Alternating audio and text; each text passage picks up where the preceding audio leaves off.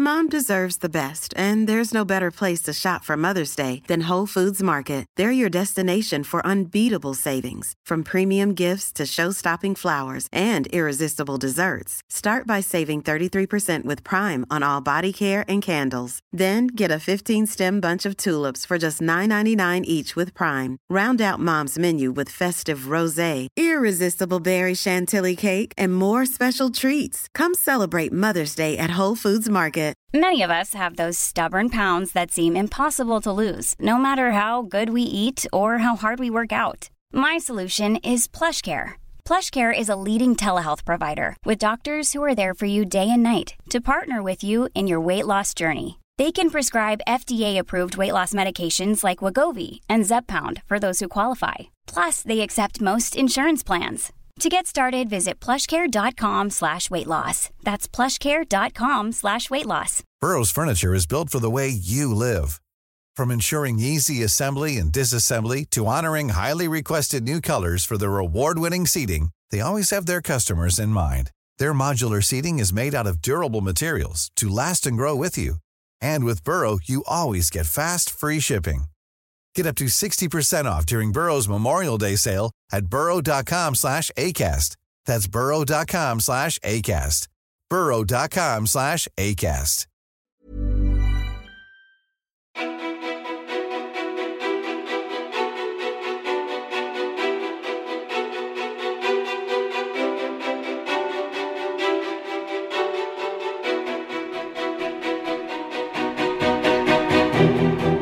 Kevin Tregero slog igenom i Toppmodell Sverige 2014. Sedan dess har han varit i skvallerpressen med före detta flickvännen Elinor Bjurström, bloggat på Metro Mode och Café, gjort hundratals modelljobb, spelat in webb-tv, synts i reklamkampanjer, jobbar som personlig tränare, träffat sin livskärlek och alldeles nyligen blivit pappa. Och Kevin har 54 000 följare på Instagram och en kropp som av många skulle beskrivas som den perfekta manliga kroppen. Men vad finns bakom det perfekta utseendet? Vad är hans relation till den manliga normen? Hur var det att flytta till ett nytt land som sjuåring? Vem är egentligen Kevin Tregero? Varmt välkommen till podcasten Ofiltrerat med mig Sofia Peterfia Ståhl. Hej Kevin! Hej, tack så jättemycket. Vilken härlig introduktion. Hur kändes det? Jo, men det kändes bra. Du fick med väldigt mycket. Mm. Eh, Och, och, och helt, helt rätt bana. Det var så? Ja. Men vad, mm, av det jag precis läste upp, vad skulle du säga har liksom definierat din karriär enligt dig själv? Ja, ja, det var en bra fråga faktiskt. Ehm, och jag har gått många olika karriärsvägar. Men i grund och botten så har träning alltid varit det som eh, fångat min, min livsstil. Och på något sätt jag har jobbat runt det. Ehm, så träning har faktiskt alltid varit med mig sedan barnsben och följt med mig och format den jag är idag. Hur jag lever, men också min karriär och det jag sysslar med. Vi träffades ju första gången, jag tror att det var 2014, 15 kanske. Eh, när, vi, när du bloggade på Metro Mode, precis som jag, och vi spelade in webb-tv tillsammans. Ja. Eh, med Daniel Paris och Ellen Bergström.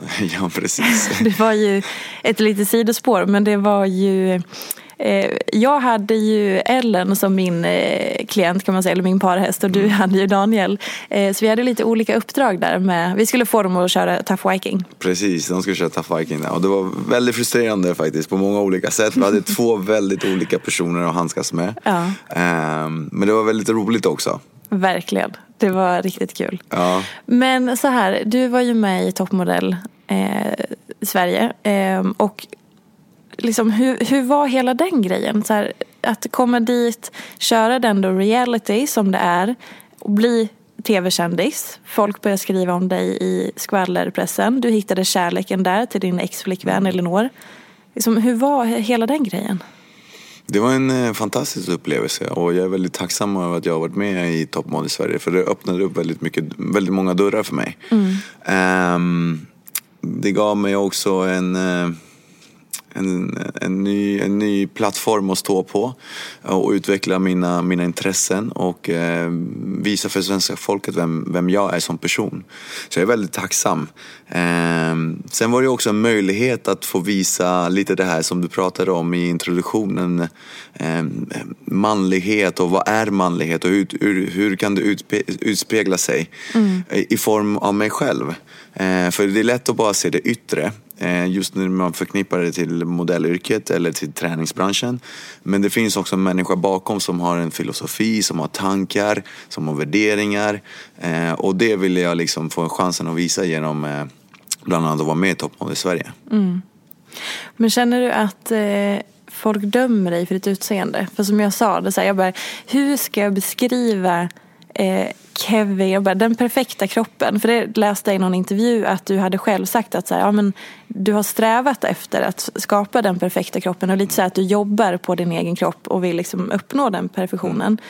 Och sen minns jag också när vi då spelade in det här webb-tv-programmet. Då var det så här, åh men Kevin du kan väl slänga av dig tröjan och vi vill se Kevin i bara överkropp. Och så, folk är ju så medvetna om ditt utseende hela tiden. Mm. Så hur påverkas du av det? Nej men det jag tycker är intressant i det du säger egentligen att, att eh, du som betraktare tycker det, förmodligen det att det är mer jobbigt än vad jag själv tycker att det är. Mm. Jag har ju strävat efter en, vad jag anser vara en ideal kroppsform eller eh, bana där jag känner mig välbalanserad i, i mitt välmående. Eh, men folk runt omkring kan, kan, kan ibland uppleva att det är svårt eller känna att det, det, finns en press. Så att det blir svårt att kategorisera mig så som det skulle vara någonting negativt. Mm. Jag tar det inte som någonting negativt. Jag är väldigt stolt över det jag har uppnått. Mm. Och jag är väldigt stolt över all den tid jag har lagt ner på, på, på, min, på min fysik och att jag idag är väldigt, mår bra med min hälsa. Um, så, så det är ingenting negativt och hellre att någon skulle säga men ta av dig tröjan jag, jag ser det inte som något negativt. Jag visar gärna upp det jag har åstadkommit och det jag har uppnått. För mm. det har jag lagt ner enormt mycket slit för. Eh, sen i mottagaren, alltså på andra sidan, tycker man att det är jobbigt. Var, varför tycker man att det är jobbigt? Mm. Eh, och då är det en rannsakan hos den andra personen eh, i första hand. Men det är alltid lätt att, att, att lägga det på någon annan. Men kan du uppleva att folk tycker att det är så här som att det är jobbigt för att det är så här, du är för snygg för att umgås med? Eller vadå? Nej, verkligen inte. Alltså inte för snygg. Eh, i, men att folk blir obekväma eller att så här, ja men vi kan inte träna ihop för att du är så vältränad. Ja, nej, jag skulle nog säga att um, hur samhället målar upp um, idealen runt omkring mm. placerar man i ett visst fack. Och när någon är i det facket då ska man bete sig på ett visst sätt gentemot den personen. Medan jag själv betraktar mig inte det på det sättet. Utan jag har inte kämpat för att hamna i ett visst, i ett visst fack utan jag har kämpat för att skapa den bästa versionen av mig själv. Eh, så jag bemöter inte människor olika beroende på hur de ser ut eller vad, vilka karriärsval de har gjort. Alla är lika för mig. Mm. Eh, och det, så försöker jag alltid bemöta människor. Så jag förväntar mig egentligen samma bemötande tillbaka med positivitet. Eh, så om någon har, innan de vet vem jag är eller till exempel placerar mig genom samhällets ideal i ett visst fack. Då har de redan gjort antaganden. Och de här antagandena kan bli väldigt fel. Mm. Eh, så, så det är lite där det... Händer det ofta? Nej, nej, verkligen inte. Inte som jag själv upplever.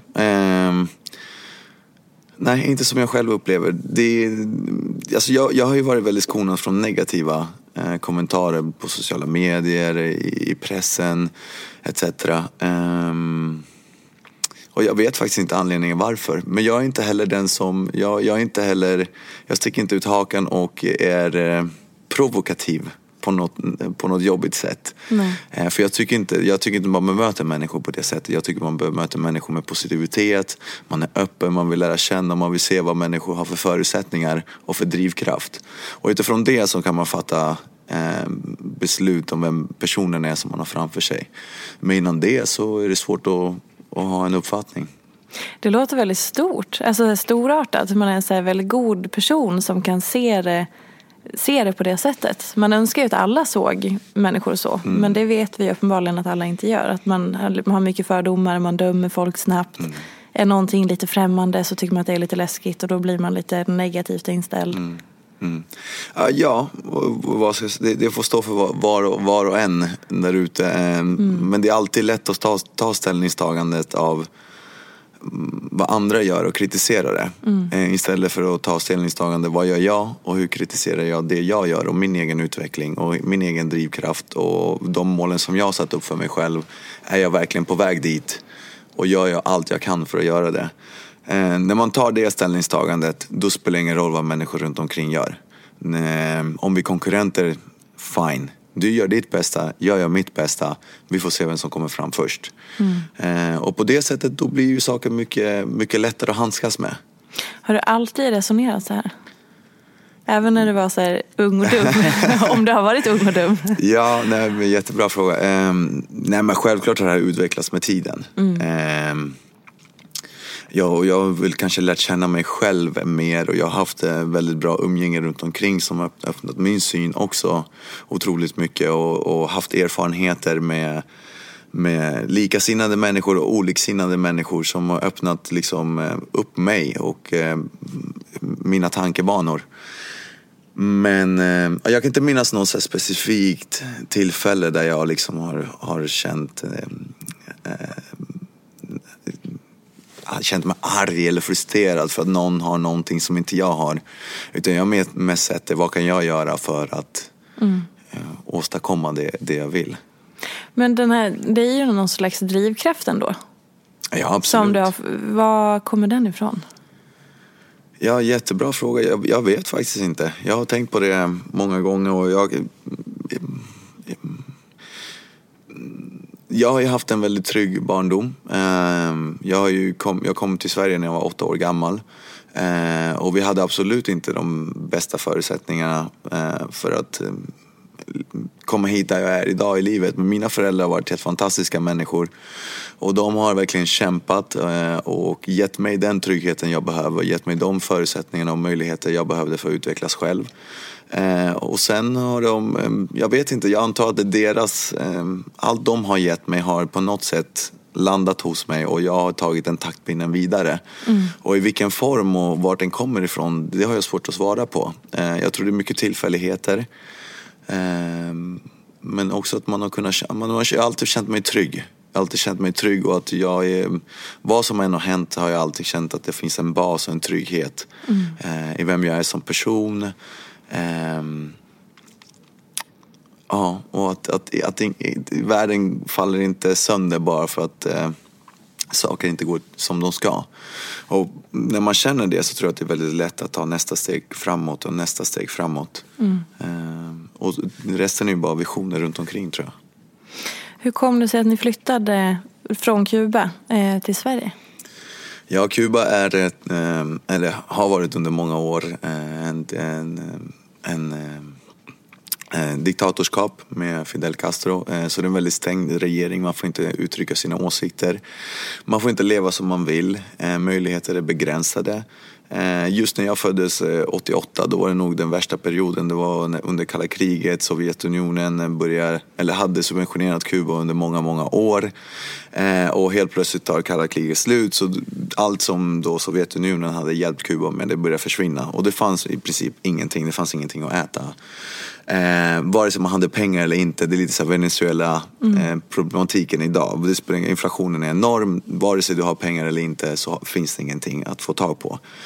Eh, och jag tror att min pappa, min pappa är väldigt intellektuell. Eh, han är eh, eh, doktorand inom fysik. Eh, och han, han, han vill inte ge mig den, den framtiden. så han började doktorera här i Sverige. Och jag tror han fastnade för ett land som eh, välkomnade honom. Så han såg att, att det fanns stabilitet och möjligheter. Mm. Eh, man fick tycka och tänka som man ville. Eh, och utifrån det så började den resan och försöka få mig och min mamma hit också. Men hur var, hur, har, hur var det liksom för er? Du var ju väldigt ung så du gick ju rakt in i skolvärlden, tänker jag mig. Mm. Kom ni hit till Stockholm direkt? Ja, vi flyttade till... Eh, jag bodde i Jordbro de första åren i, när jag flyttade till Stockholm. Eh, och jag började i någonting som kallas en förberedelseklass. Mm. Så min första prioritet var att lära mig svenska. Och ska jag vara helt ärlig så är det bland mina första minnen. Jag, på något konstigt sätt så har jag förträngt allting som var innan. Så jag minns väldigt mm. lite från Kuba faktiskt. Eh, det är lite nu på senare dagar som de här lite små minnena börjar flasha upp igen. Men det var många år där folk bara, men hur, hur var det och du vet, hur såg det ut? Jag har ingen aning. Ehm, så mina första minnen är att jag sjunger Björnen sover här, här hemma i, eh, eller här i Sverige. Ja. Ehm, så första året var ju väldigt mycket inriktat på att lära mig svenska. Ehm, och som tur var, det, det, var faktiskt, jag måste säga att det var väldigt bra att eh, växa upp i en förort. För att alla andra jag träffade och umgicks med, de var i samma situation som mig själv. Mm. Så det var, ingen kunde svenska vi var så små så ingen kunde engelska. Så vi pratade alla olika språk för vi var från olika delar av världen. Men på något konstigt sätt så genom idrott, genom lekar så lär man sig kommunicera med varandra och eh, utveckla en vänskap. Mm. Och det var väldigt fint. Um, så, så det är jag väldigt tacksam för. Um, så jag gick där i grundskolan. Um, I tvåan fick jag hoppa in i en vanlig klass. Eh, som sagt med förutsättningen att få komma ihåg att det var väldigt många från eh, utlandsfödda eh, mm. barn. Så svenskan var ju fortfarande en hög prioritet. Och sen, det var faktiskt när jag började i sjuan, då började jag i en idrottsklass. Det var en, en annan del i Haninge som, där jag började mer, med, med, med fler ungdomar som var från Sverige då. Och det var väl riktigt, det var där jag började utveckla mitt, mitt språk på riktigt. Innan dess var jag väldigt eh, präglad av alla slang och mm, förortssnacket och, och sådär.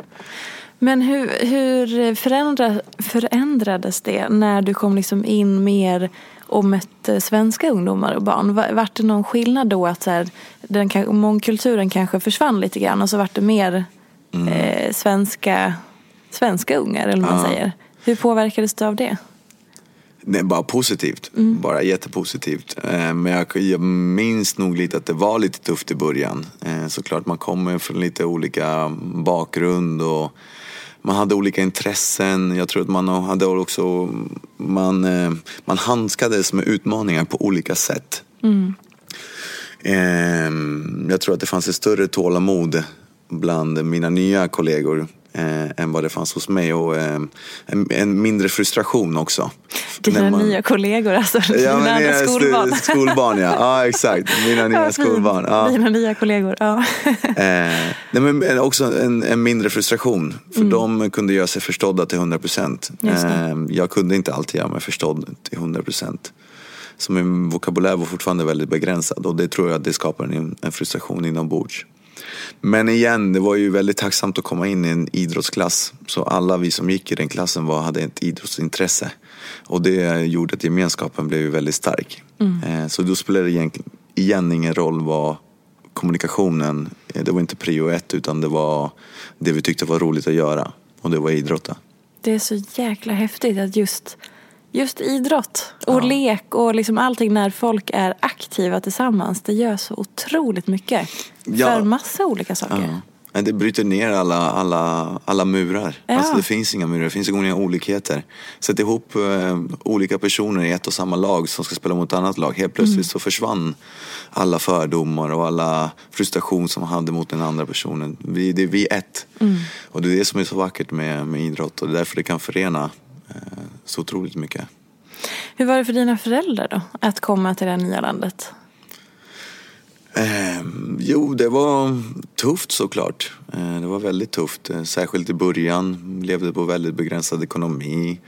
Eh, tog till sig av de eh, jobb som man kunde göra eh, och som fanns tillgängliga.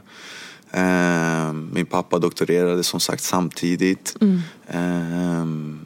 Men, men de har, de, jag, jag, tror att när vi går tillbaka till den här drivkraften och visionen, det, det, det, är nog, det ligger väldigt mycket hos dem.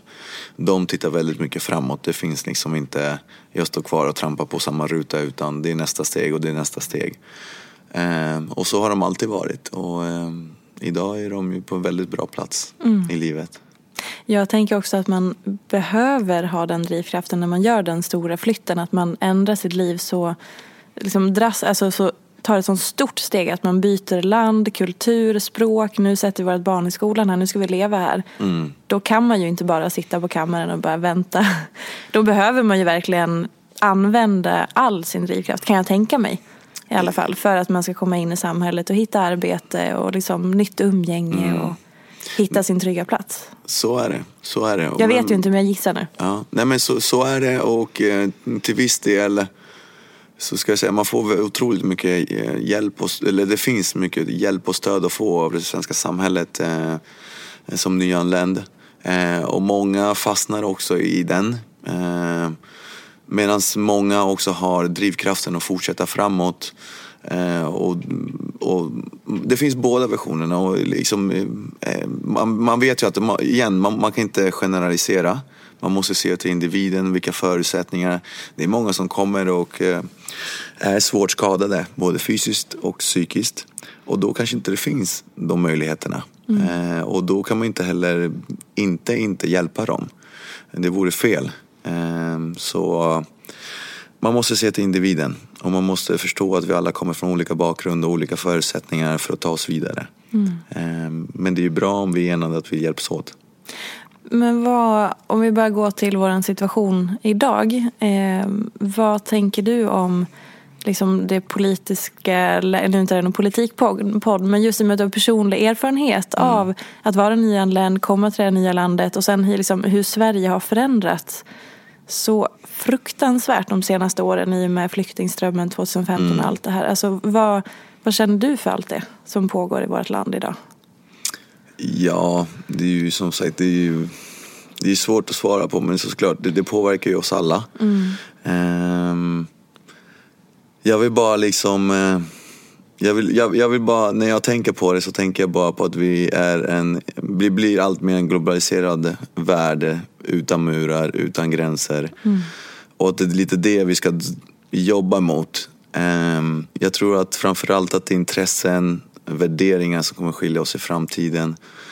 Eh, inte något riktigt märkte på var Sverige låg eller var Norge eller USA utan man kommer dras till likasinnade människor som delar ens intressen och delar ens värderingar. Och, ja, nej men det är svårt, alltså, det, det är så komplext. Det, det är en grej att tala utifrån känslor, det är en grej ut- att, att tala utifrån vad som faktiskt funkar i praktiken. Hur väl kan vi ta emot människor? Eh, hur mycket kan vi hjälpa dem? Vart är det bäst att hjälpa? Alltså du vet, alla de här, det, det, alltså, det är frågor som inte jag kan sätta mig in. Men värderingsmässigt så tror jag på en enad, en enad värld. Men när du kom eh, till Sverige, vad, vad liksom, hur påverkades din identitet av att eh, liksom komma som så ung och sen komma till ett nytt land? Har folk frågat dig så här, ah, men känner du svensk? Ja. Eller vad, vad, vad är du? Har du upplevt, fått det bemötandet? Ja, om, men jag, om jag har upplevt det. kan tänka mig det. Och så här, hur på, vad gör det med ett litet barn? Som då, för återigen, folk vill stoppa en i fack. Vem är du? Ja. Det, och det är igen det, är det där med att stoppa folk i fack. Ehm, nej, jag, har, jag gick igenom en enorm ident- identitetskris. En, eh, vad det här, det var typ 2011. Och då, ehm, då var jag typ 14, 15. Någonting. Och eh, fra, fram till den tid, tidpunkten hade jag alltid, när någon frågade mig så, men var kommer du ifrån? Ja, Jag kommer från Kuba. Och jag hade alltid känt mig som eh, kuban. ehm, men att jag bodde i Sverige och liksom, jag hade integrerat mig väldigt bra och jag trivdes väldigt bra. Men jag hade inte riktigt förstått djupet av det. Ehm, 2011 så är det första gången, ja, jag tror att det var 2011, jag är inte helt hundra på, år, eh, år, eh, på året. Men då åker vi tillbaka till Kuba och det är första gången jag besöker Kuba sen vi hade lämnat det. Och så kommer jag till Kuba och så är det första gången jag känner mig inte som en kuban längre. Folk frågar mig, folk säger så här, men du, du är inte från Kuba. Nähä, vart är jag ifrån då? Det är det jag har vuxit upp med och känt hela tiden fram tills den dagen. Att jag är kuban och helt plötsligt så kommer jag tillbaka till det landet där jag egentligen är ifrån och känt mig ifrån och folk bara, nej men du är inte kuban, du är svensk. De säger det till Ja. dig? Ah. Och, och det är inte någonting negativt. Jag Nej, förstår nej. dem också. För Ja. jag har ju präglats under massa år utav andra tankesätt, utav beteende. Mm. Eh, Den här, det är klart jag, jag har flytande spanska men slangmässigt, jag är inte på samma nivå. Alltså vi kommunicerar inte på helt hundra på samma nivå. Så jag förstår att de inte känner att jag är, nu, är en utav dem. Så helt plötsligt så står jag där och bara okej, de tycker inte att jag är det. de här tycker inte att jag är det. Vad fan är jag för något? Ja. Ja. och det var den största identitetskrisen jag någonsin har gått igenom tror jag.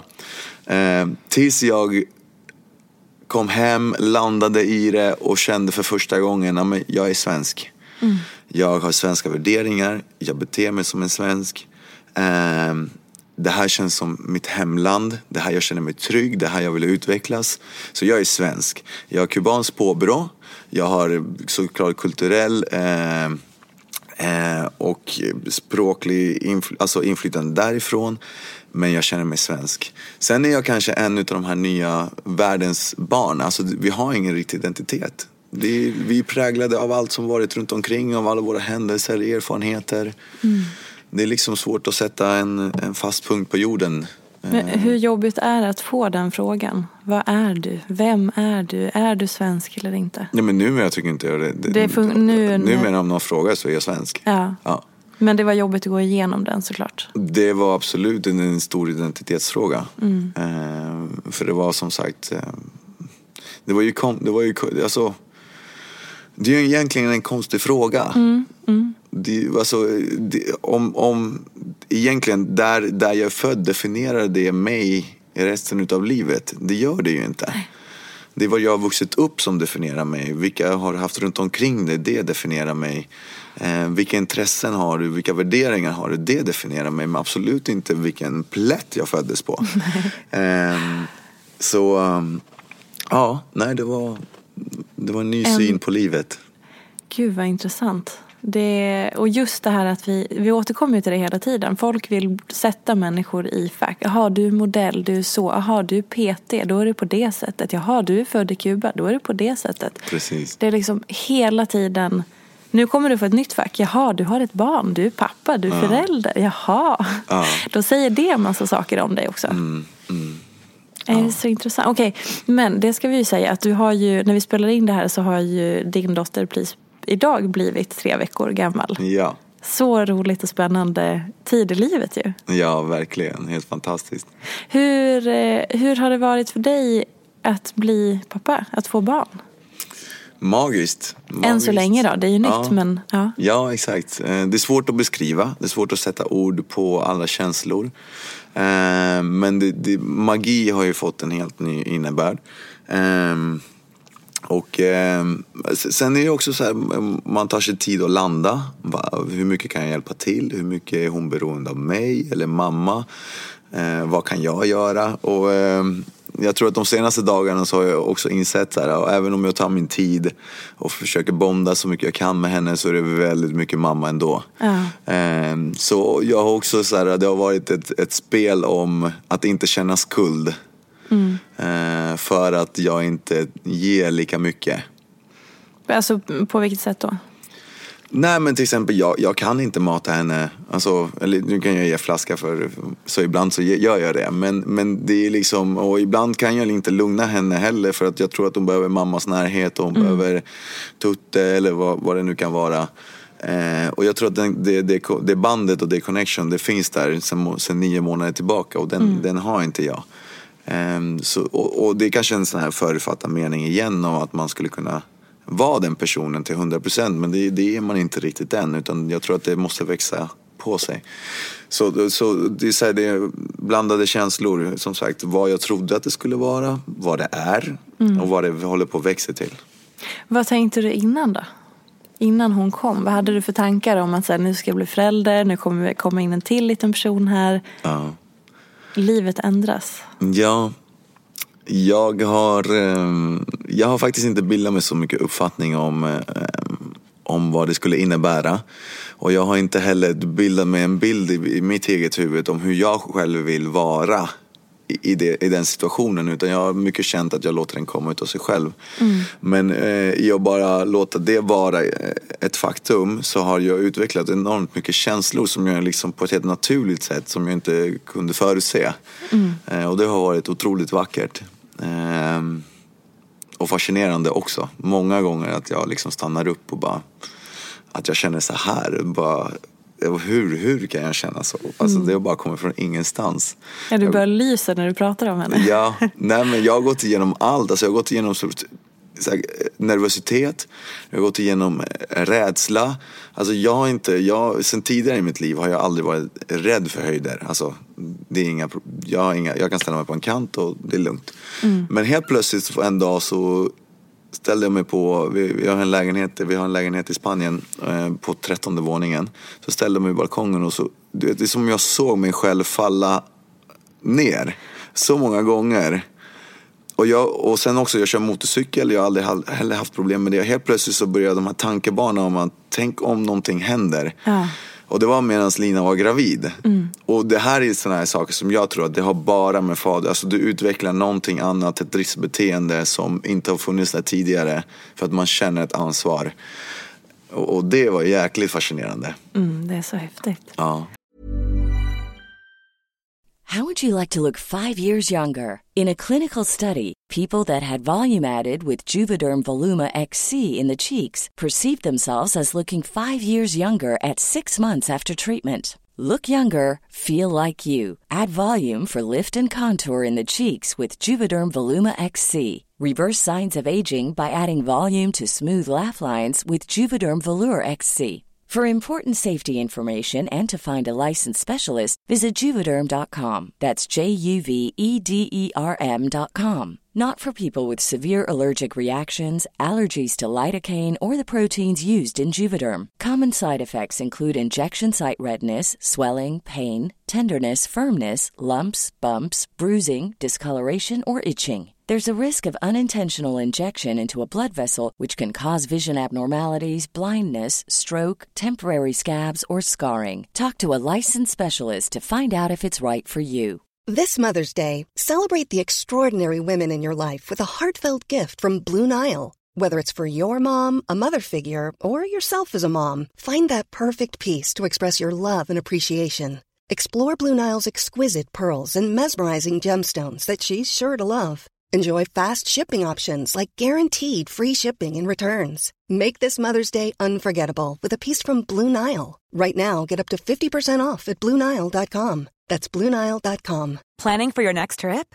Elevate your travel style with Quince. Quince has all the jet setting essentials you'll want for your next getaway, like European linen, premium luggage options, buttery soft Italian leather bags, and so much more. And is all priced at 50 to 80% less than similar brands. Plus, Quince only works with factories that use safe and ethical manufacturing practices. Pack your bags with high-quality essentials you'll be wearing for vacations to come with Quince. Go to quince.com/pack for free shipping and 365-day returns. This is Paige, the co-host of Giggly Squad, and I want to tell you about a company that I've been loving, Olive and June. Olive and June gives you everything that you need for a salon quality manicure in one box. And if you break it down, it really comes out to $2 a manicure, which is absolutely insane. It's also so easy to get salon worthy nails at home with Olive and June. The difference between how your nails used to look when you did them yourself and now with the Manny system is a complete game changer. The best thing about Olive and June too is it's a quick dry. Dries in about one minute, lasts for five days, and full coverage in up to one to two coats. Visit oliveandjune.com slash perfectmanny20 for 20% off your first system. That's oliveandjune.com slash perfectmanny20 for 20% off your first system. System. Hur var det då att eh, genomgå förlossningen? Och vara den som inte kunde göra det vidriga arbetet som ja. det innebär? Jag kan säga så här, jag har eh, fått enorm respekt för kvinnor på en helt annan nivå. Ja. Um, inte för att jag inte haft respekt tidigare, jag har haft all respekt i världen men alltså det här, ja, men det den, den, den, smärtan, Alltså hur, hur, hur, ni bearbetar det, alltså allt ni går igenom under de där, under förlossningen, hur många timmar det nu än är. Mm. Det är wow, alltså hatten av, klapp, allt. Mm. Verkligen. Jag är så fascinerad. Och eh, det, det, måste sitta så, så djupt rotat eh, hos er, men ändå liksom så mentalt starka. Det, det, ja, det finns inga ord. Var det någonting liksom under för själva förlossningen som du ja, men som så här, in, jag vet inte om du hade föreställt dig någonting eller hade någon uppfattning om hur det går till på en förlossning. Men var det någonting som var så här, men herregud, det här trodde jag inte. Nej, jag hade, jag hade faktiskt inte jag hade inte bildat mig någon uppfattning, eller jag hade svårt att bilda mig en uppfattning om exakt hur det skulle vara. Mm. Jag tror de, man har ju alltid de här filmscenerna i huvudet och ja. riktigt så var det inte. Um, men Eh, nej, alltså, det var jävligt, det var, det var tufft. Det var tufft. Det var tufft och det var, man var, jag försökte engagera mig så mycket jag kunde, finnas där för henne. Um, och, och, hon, och, Lina berättade liksom att många gånger så hörde hon bara min röst. Um, så jag tror att man också, man är inne i sin grej så mycket och man, man har alltid den här smärtan och man försöker liksom fokusera. Och man hör verkligen bara den, den som betyder mest för en själv. Mm. Um, men kryssningsfasen tycker jag var väldigt ball. Mm. för att det var, det var den, bit, den, den perioden där hon fick använda sin, sin kropp och, och det hon kan. Och jag, man fick coacha lite i, i också den här, du vet, genom andningarna och mm. pressen. Och då kände jag mig lite mer hemma, hon kände sig lite mer hemma och jag tror att vi var ett team då och då var det skitkul. Ja. Ehm, och hon, hon tycker ju att det här var ju den värsta fasen, det gör ju så ont. Håller med. Ehm, men utifrån så tyckte jag att hon var världens lugnaste, hade stenkoll på läget och jag behövde bara liksom pusha på och visa att jag var verkligen närvarande. Men ja, det är fantastiskt alltså.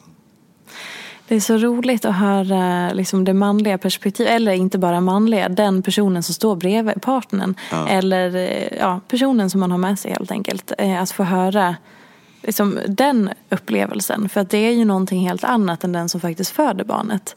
Eh, och som födande har man ju fullt upp med allt det andra. Så man uppfattar nog inte riktigt heller vad den personen som är med gör. Även om man vet att den är aktiv och gör allt den kan. Mm. Men det är ju verkligen två helt separata upplevelser. Ja, vi, var, vi hade en väldigt lång sån här första latensfas. Eh, och hon hade otroligt ont. Eh, det var intensiva verkar, eh, kom väldigt tätt hela tiden från början till slut. Och, och den biten var nog den tuffaste för mig. För mm. det finns inte så mycket jag kan göra. Det var verkligen bara att vara med. Mm. Vara med, lyssna. Uh, ibland kunde man inte säga något. Det, ja, det fanns inte så mycket att säga. Det, du kan inte säga någonting. Man, alltså man är, jag, jag, jag, kan inte föreställa mig hur det känns. Men jag, jag såg att det var smärtsamt. Mm. Uh, och i det, i det tillståndet så spelar det ingen roll vad någon säger. Vill, man vill bara sjunka in i sig själv och ta det. Hur många timmar höll förlossningen på? Eh, 36 timmar från första verken. Oh, men 20 timmar i latensfasen. Så det, var, det ja. tog jättelång tid. Fy fan. Ja. Hälsa bra jobbat. Ja, nej, men jag ska göra det. Jag säger det till henne gång på gång. Oh, och påminner henne om att det var riktigt, riktigt bra jobbat. Och hur har det varit nu när ni har kommit hem och liksom, har ni haft den här babybubblan som folk både risar och rosar? För en del säger att åh, njut av babybubblan, det är så underbart. Mm. Och en del säger vilken jävla babybubbla. Ja. Jättebra fråga. Eh, och jag tror att det är den senare biten som ingen få pratar om. Mm. Eh, det har varit, de första dagarna var helt magiska. Eh, det var väldigt, det var bara positivt runt omkring. Eh, lite in fjärde dagen och sen kanske nästan fram tills idag så har det varit liksom en, en känslo berg dalbana. Mm. Um, amningen är inte det enklaste och man ska inte utgå ifrån att alla kvinnor kan amna, amma. Nej. Och att det kommer naturligt, man får kämpa för det. Um, och alla andra komplikationer som kan uppstå. Man håller på och läker också. Mm. Um, det är också, kvinnan får ju också ta emot den stora omställningen direkt av att ha ett barn vid sin sida som kräver ens eh, uppmärksamhet hela tiden jag kan ändå få andas lite som man och liksom kliva ur den bubblan. Medan eh, som kvinna blir man, man måste ta den på en gång. Mm. Eh, så det är otroligt mycket på en samma gång. I samband med det så är det hormoner och känslor. Mm. Och eh, igen, så här, om man börjar liksom fack och ideal och hur man borde vara och hur det borde vara ifrågasätter sig själv som mamma, ifrågasätter hela konstellationen. Det är väldigt mycket på en och samma gång och jag tror att den biten rent mentalt, alltså det måste folk prata mer om och mm. Eh, förbereda varandra för att det är inte en dans på rosor. Alltså det, det kan vara väldigt tufft. Eh, för vissa är det mindre tufft. Men jag tror att alla går igenom den omställningen eh, ganska tidigt. Verkligen, jag håller med. Och det är ju, som du säger, det är, så må- det är som en attack på hela en själv från alla plan. Såklart en attack av kärlek och så, men det är också det här både fysiska, mentala, hormonella. Det är som hela biten. Plus att du har en liten människa som du ska försöka förstå dig på. Vad vill du? Vad ska vi göra? Och sen i relationen. För det, är också, det är också en bit, att man också har en relation. Man ska försöka vara trevlig mot varandra, man ska försöka hjälpas åt, man ska försöka vara jämställd, man ska försöka att underlätta, du vet, hela den biten också. Det, är ju, det är ju en jävla omställning. Ja, nej, det, är mycket som, det är mycket på en och samma gång. Eh, och jag tror det är bra liksom att förbereda sig också mentalt innan mm, barnet föds. Liksom att de, de första veckorna, den första perioden eh, så måste man ha överseende med saker. Och, ehm, man, man måste lämna ut, man måste, man måste, jag, jag tror så här, jag har ju fått lämna mina känslor lite åt sidan. Alltså förstår du, de här, de kanske känslorna där man känner att det finns en liten frustration eller besvikelse eller vad det nu kan vara, men som är negativt. Det måste jag stoppa åt sidan ett tag. Det är liksom ingen idé att, att försöka bearbeta det nu eller ta upp det. Alltså det får komma sen. Eh, om det skulle finnas några sådana. För, ja, för det är så otroligt mycket på en och samma gång. Eh, om vi helt ska byta riktning lite grann. Vi, jag inledde ju hela liksom, den här listan, eller listan, hela presentationen av dig med liksom, det här manliga idealet och den perfekta kroppen och sånt där. Men hur, så här, hur ser du på det manliga idealet? Vad är det för dig? Ehm, bra fråga. Jag, jag antar hur du, hur du, du, du frågar hur jag tycker att en man till utseendet och till det inre borde vara? Ja, eller? men precis. Vad, så, som normen är att män ska vara eller att män ska se ut och bete sig. Så hur uppfattar du det manliga idealet? Att mannen ska vara och se ut och bete sig. Ja. Jag tycker den har förändrats väldigt mycket. Det är väl min första kommentar på det. Jag tror eh, att de här, eh, de här modelltidningarna och eh, mm, eh muskulösa tidningarna som har eh, framställt en idealman börjar suddas ut lite. Och mer börjar man visa upp eh, personer bakom sociala medier exempelvis som målar- målar upp idealen.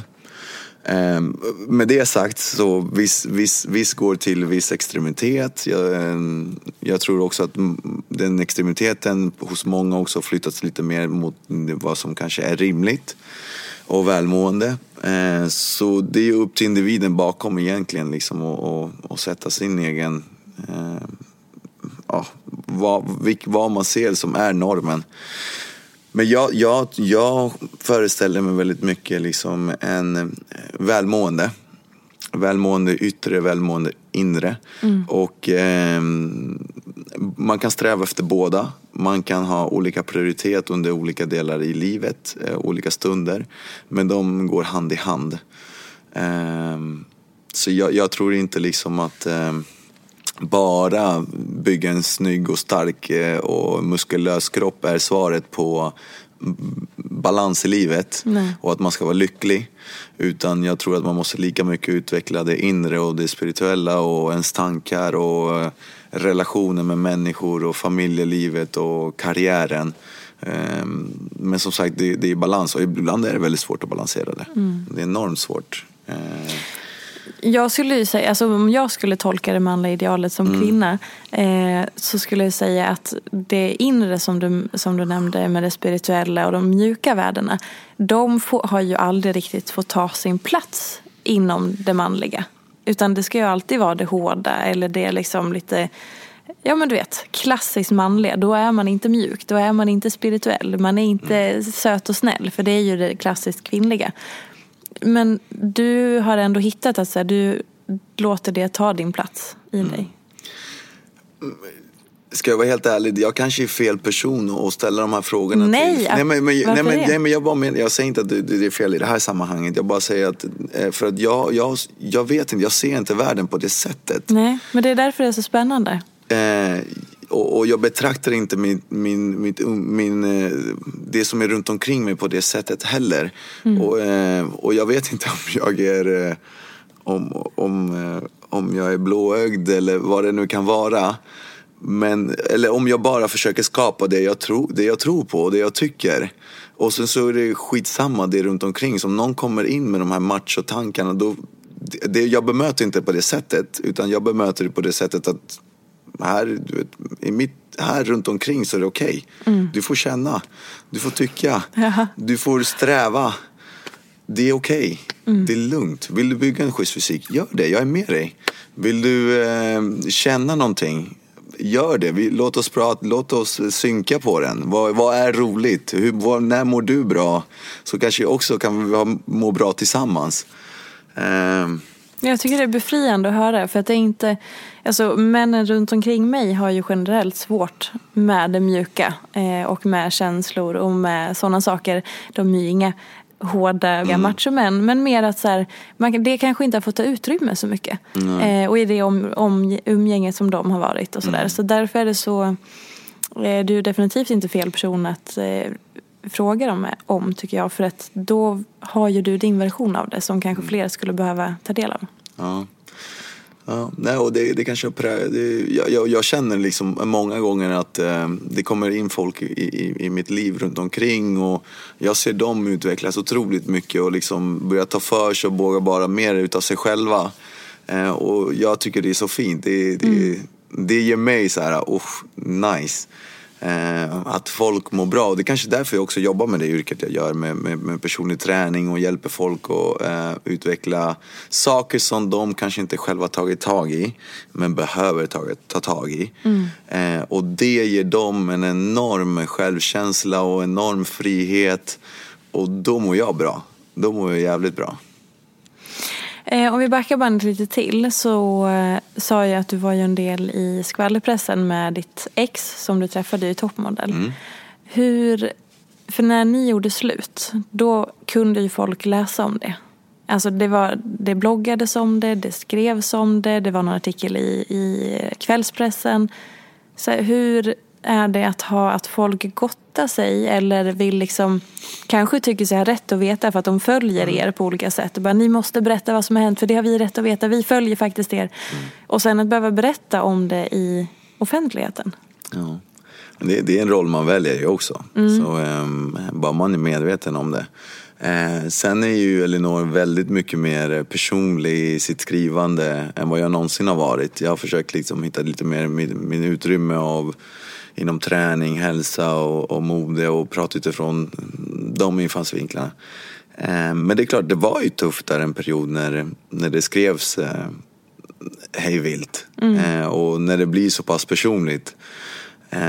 Men samtidigt, jag är duktig på att skaka av mig grejer och, och, och, gå vidare.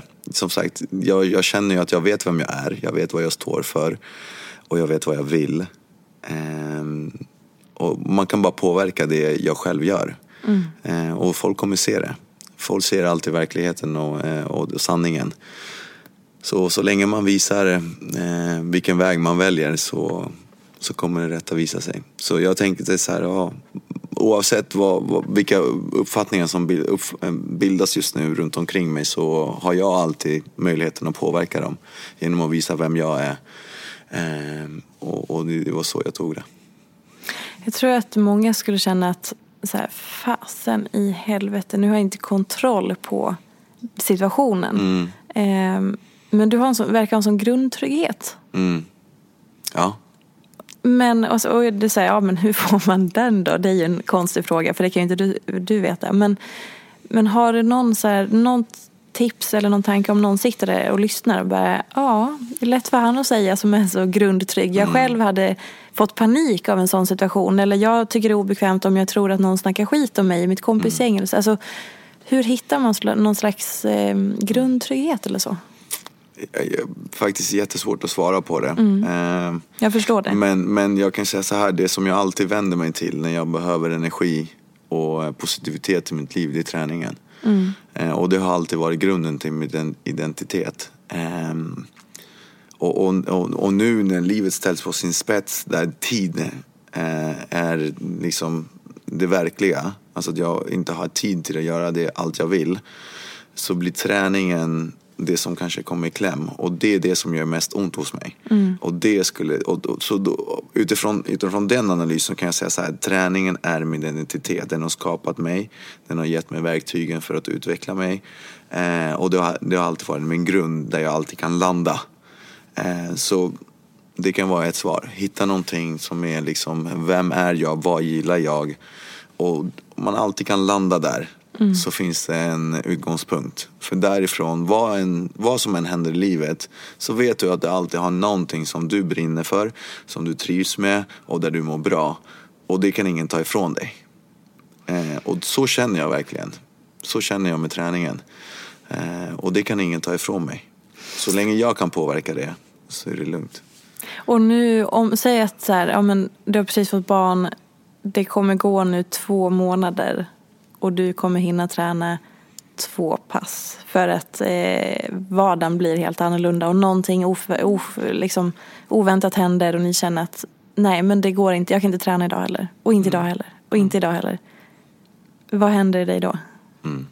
Det skulle göra jätteont. Ja. Men eh, vi, får ta, vi får ta ett nytt, nytt snack om eh, ett par månader framåt. Så, eh, så får jag utvärdera den, den frågan. Men än så länge har det funkat rätt så bra. Jag har alltid haft eh, inställning av att eh, man prioriterar sin tid. Eh, så är det inte från sömnen så är det från maten. Jag kanske inte ska säga så men, men du förstår vad jag Ja. menar. Då får jag äta fortare och så får jag gå och träna. Eh, får jag sova lite mindre och så får jag gå och träna. Får jobba lite mindre, kortare, så får jag gå och träna. Alltså ingenting i livet förutom mitt barn och det jag har hemma är viktigare än att jag tar hand om mig själv. Eh, för det, träningen är för mig inte ett utseende utan det är mitt välmående och vem jag är som person. Och min identitet, min trygghet. Så om inte jag mår bra, då kommer ingenting annat i mitt liv att funka som, som det ska. Eh, så det är min prio nummer ett. Ja, alltså det är ju som det här tipset man får när man flyger att så här, du måste sätta på din egen syrgasmask innan du hjälper andra. Och om, jag kan tänka att så om man vågade ta den platsen i sitt eget liv Att man vågade ta hand om sig själv mer. För det har ju många väldigt svårt för. Att man vågar inte riktigt ta den platsen att säga men jag ska må bra för att man tar hand om alla andra. Men den som mår dåligt då ofta är ju en själv för att man hinner inte ta hand om sig själv.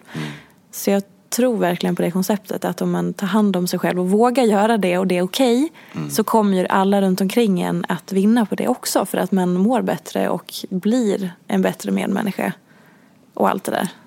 Ja, och, Såklart. ja. Och, vissa, precis som säger, vissa ser det på ett annat sätt.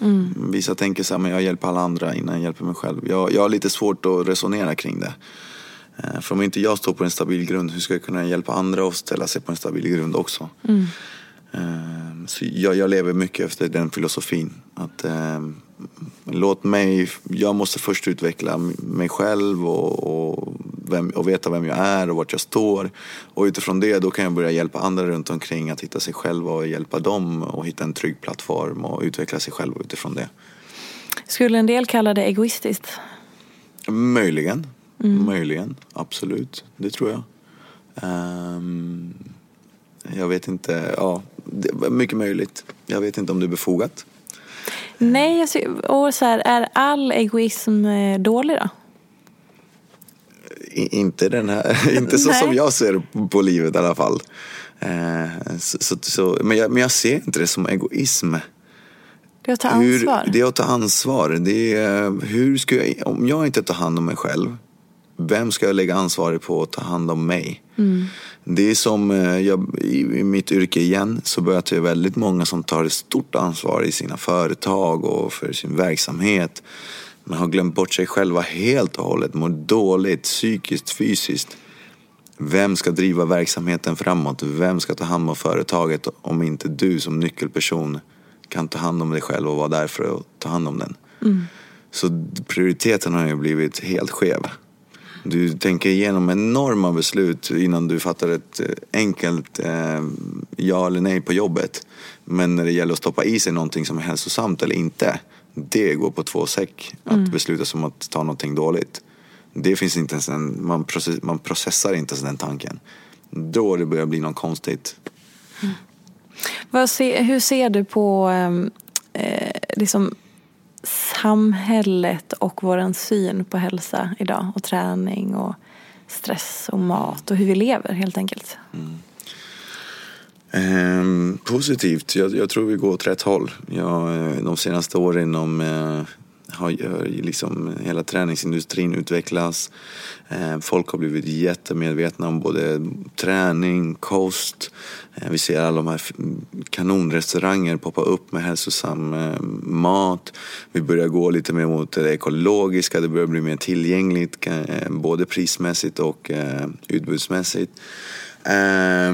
Så, så jag, jag, tror helt klart, jag ser positivt på det. Mm. Sen ser jag också en stor stor kaka utav hela samhället som fortfarande gräver, gräver sig fast i den här hur det har varit och hur då ska det alltid vara så och inte liksom är öppna för, för det som komma skall.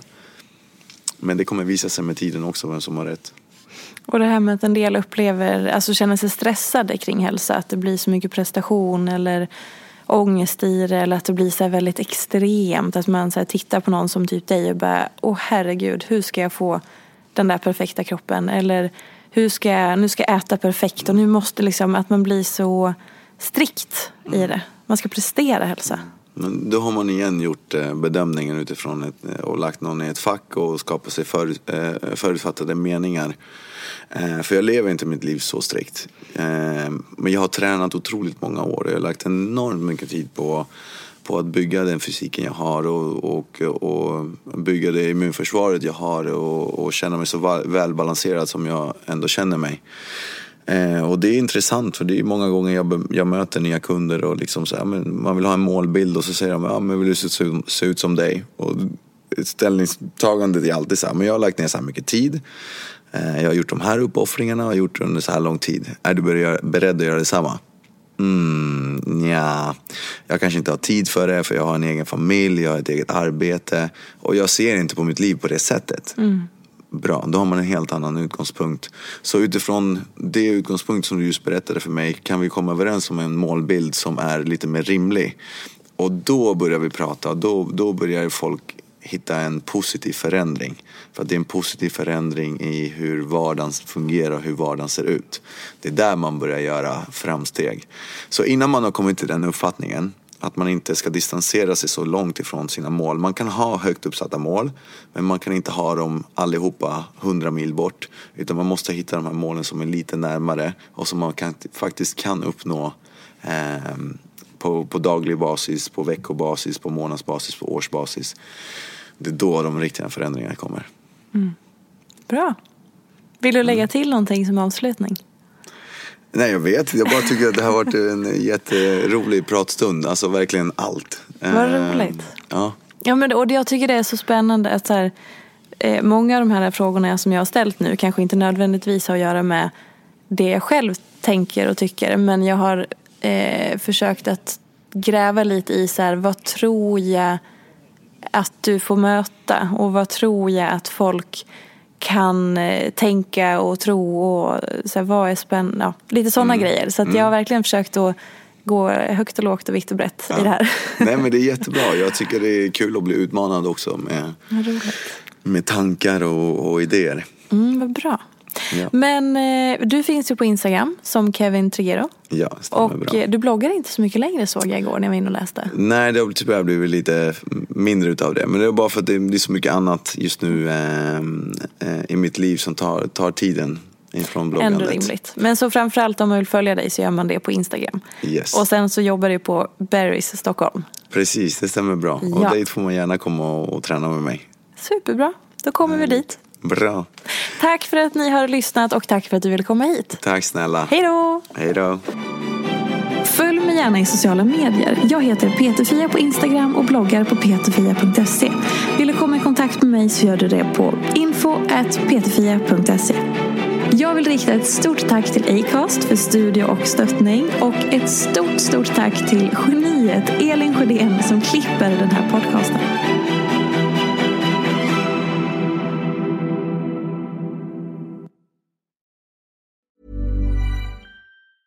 Planning for your next trip? Elevate your travel style with Quince. Quince has all the jet setting essentials you'll want for your next getaway, like European linen, premium luggage options, buttery soft Italian leather bags, and so much more and is all priced at 50 to 80% less than similar brands. Plus, Quince only works with factories that use safe and ethical manufacturing practices. Pack your bags with high-quality essentials you'll be wearing for vacations to come with Quince. Go to quince.com slash pack for free shipping and 365-day returns. Mom deserves the best, and there's no better place to shop for Mother's Day than Whole Foods Market. They're your destination for unbeatable savings, from premium gifts to show-stopping flowers and irresistible desserts. Start by saving 33% with Prime on all body care and candles. Then get a 15-stem bunch of tulips for just $9.99 each with Prime. Round out Mom's menu with festive rosé, irresistible berry chantilly cake, and more special treats. Come celebrate Mother's Day at Whole Foods Market.